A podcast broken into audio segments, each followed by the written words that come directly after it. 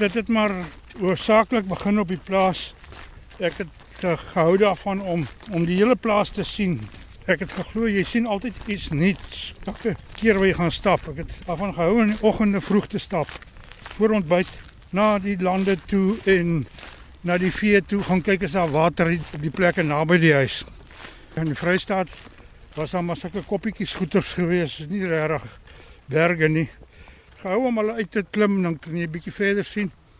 Toe koop ek nog 'n plaas in die Oos-Kaap en Noord op die punt waar die Stormberge begin. En dis nou regtig kwai berge. Ek het 'n staproete daar gehad. Dit was 15 km in die berg. Stormberge is die begin van die Drakensberge. En uh ek het 'n melkery gehad en die middag 4 uur dan moet ons begin melk. Die oggend melk ons tot uh, by 8 uur rond. En uh dan moet jy nou daarna gou nog nog hier en daar noodsaaklike goed op die plaas doen en dan moet jy in die berge invaar om die skaap te gaan gaan werk. En dit is die heel dag se ding. Maar 4 uur moet jy terug wees om te kom melk.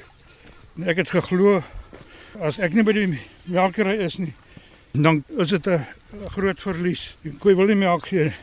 Daar is stories daaraan verbonde dat jy moet 'n koei 'n swart skoendoos elke dag wys om melk uit te, uit te kry en Hoekom? Dis 'n ding wat in werklikheid gebeur het in Klokkelaan in die Oos-Vrystaat. Die twee seuns het die plaas se geërf by die ou man. En die ou mense het nog geglo presies gelyk op deel tussen die twee seuns. En die een broer, die gaan net aan en hy word net ryker en ryker. En die ander ene, die boer agteruit en boer agteruit. En hy gaan na sy broer toe, hy sê vir sy broer man, "Kan jy my help? Kan jy vir my sê wat is jou geheim?" Toe sê sy broer vir hom, "Man, het jy al die swart kasie probeer?" Toe sê hy, "Wat se ding is 'n swart kasie?" Toe sê nee, so 'n klein swart kasie. Elke môre en elke aand moet jy daai swart kasie vir die koei wys. Dan sal sy melk gee. Hy sê man, nee, waar, waarvan praat jy nou? Hy sê wel, jy het my gevra. En dit is wat ek nou vir jou sê wat gaan werk. Hy sê nou waar kry ek die kasie? Die broer sê as jy vanaand kom, sal ek jou 'n kasie gee. Jy moet elke môre, elke aand vir elke koei die boksie wys. En hy doen dit. Hy dink maar hy's belaglik, maar hy doen dit maar want dis nou wat sy broer gesê het en sy broer is dan nou ryk. Hy moet mos nou weet.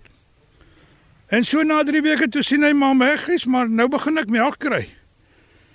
En so gaan dit aan dat hy toe nou hier na 6, 8 maande sien hy toe nou maar ek kan nou begin 'n skuld afbetaal. En hy gaan na sy broer toe en hy sê vir sy broer, "Nou moet jy vir my help. Ek wil vir jou baie dankie sê vir die swart kasie, maar ek kan nie verstaan dat 'n swart kasie vir 'n koei kan melk gee nie." Sê, "Wat is in die kasie?" Sy broer sê, "Nee, is net is net 'n skoendoos wat ek swart oorgetrek het." Hy sê, "Man, hoe kan 'n swart skoenboksie vir 'n koei melk gee?" Sê sy broer vir hom, "Nee man, dis nie wat die koei melk gee nie. Wat jy jy die melk kry, is ek het vir jou gesê jy moet die kassie vir elke koei hou, elke môre, elke aand. Dit beteken jy moet by die melkery wees. En dit is wat wat 'n koei laat melk gee, is as jy daar is en sien dat alles reg gaan. O, goed. En toe so jy het die swart skoenboksie beleid gevolg. Ja, nee, ek ek het maar geglo in die, in in die 3 jaar wat ek die melkery gehad het, was of ek of my vrou net twee keer nie daar gewees nie. Nie twee dae nie, twee kere een oggend en een middag. Die groot ding is toesig. En 'n koei ongelukkig party vrouens gaan nou vir my kwaad wees, maar 'n koei is soos 'n vrou. Jy moet haar goed behandel, baie goed behandel, sagkens met haar werk, nie skreeu op haar nie. Dan sal sy jou vergoed. Dit is maar waar op dit neerkom. Maar kom ons kom net terug na jou toe, jou persoonlike lewe. Jy het toe die plaas verkoop. Jy het kom aftree in Port Elizabeth en dit was nou eintlik tyd vir stilsit, maar jou voete het bly juk verloop. Ek het nie juis kom aftree nie. Ek was nog in 'n mobile vorm gewees toe ek hiernatoe kom. My seun het my op 'n stadium toe sê hy vir my hy gaan nie kom boer nie. Hy sien nie kans vir droogte en diere wat nie kos het nie. En toe besluit ek nee en toe kry ek 'n werk hier in die, in die baie en ek kom werk hierso. Toe kom kry jy nou 'n werk hierso. Dis nou Piet Klaasen, een van die baie se bekendste stappers. wat al baie voetslaanroetes vir voetsek gaan oopstap het of gaan verken het en nuwe staproetes ingestel het en daar is dan ook die Piet Klasen toekenning by die plaaslike voetsek voetslaan klub vir die mees ywerige beginner stapper. Maar nou is ons terug na Piet Klasen toe. Jy het toe na die plaas verkoop, jy het in Port Elizabeth kom bly en jy het hier verder gewerk. Het jy toe in konstruksie gegaan?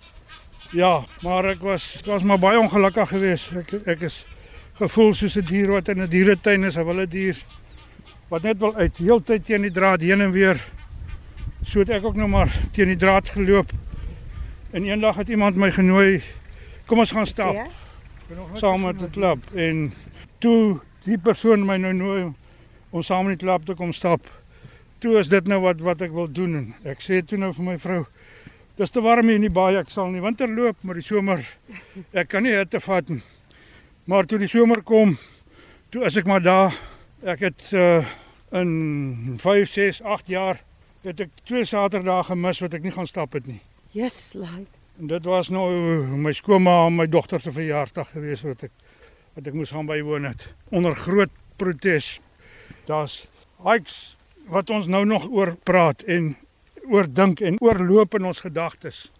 Goed, ehm um, Uitvoetsek het jy toe want ek het nou nog hoor hoe jy sê jy kan nie die somerhitte vat nie.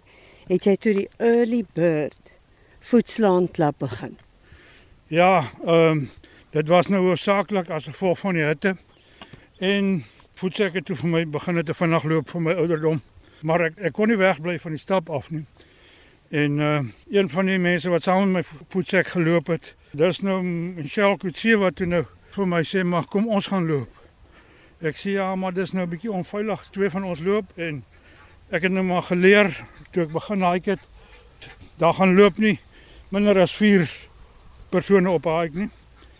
En ja nee, maar ons sal nog kry en so toe nou sy toe nou by haar kerk nog mense gekry.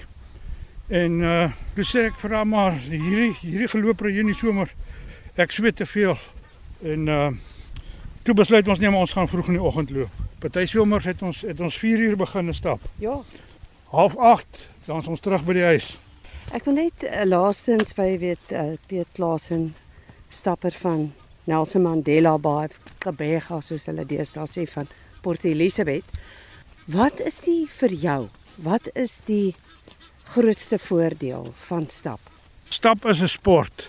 Jy kan stap tot jy oud is. Ons oudste hiker wat dood is om 2, 3 jaar terug. Hy was 95 toe hy dood is. Hy het nog Tafelberg, as ek reg is hier op 93 het hy nog Tafelberg gaan uitklim saam met die groep. So jy kan dit tot op 'n laat ouderdom toe doen.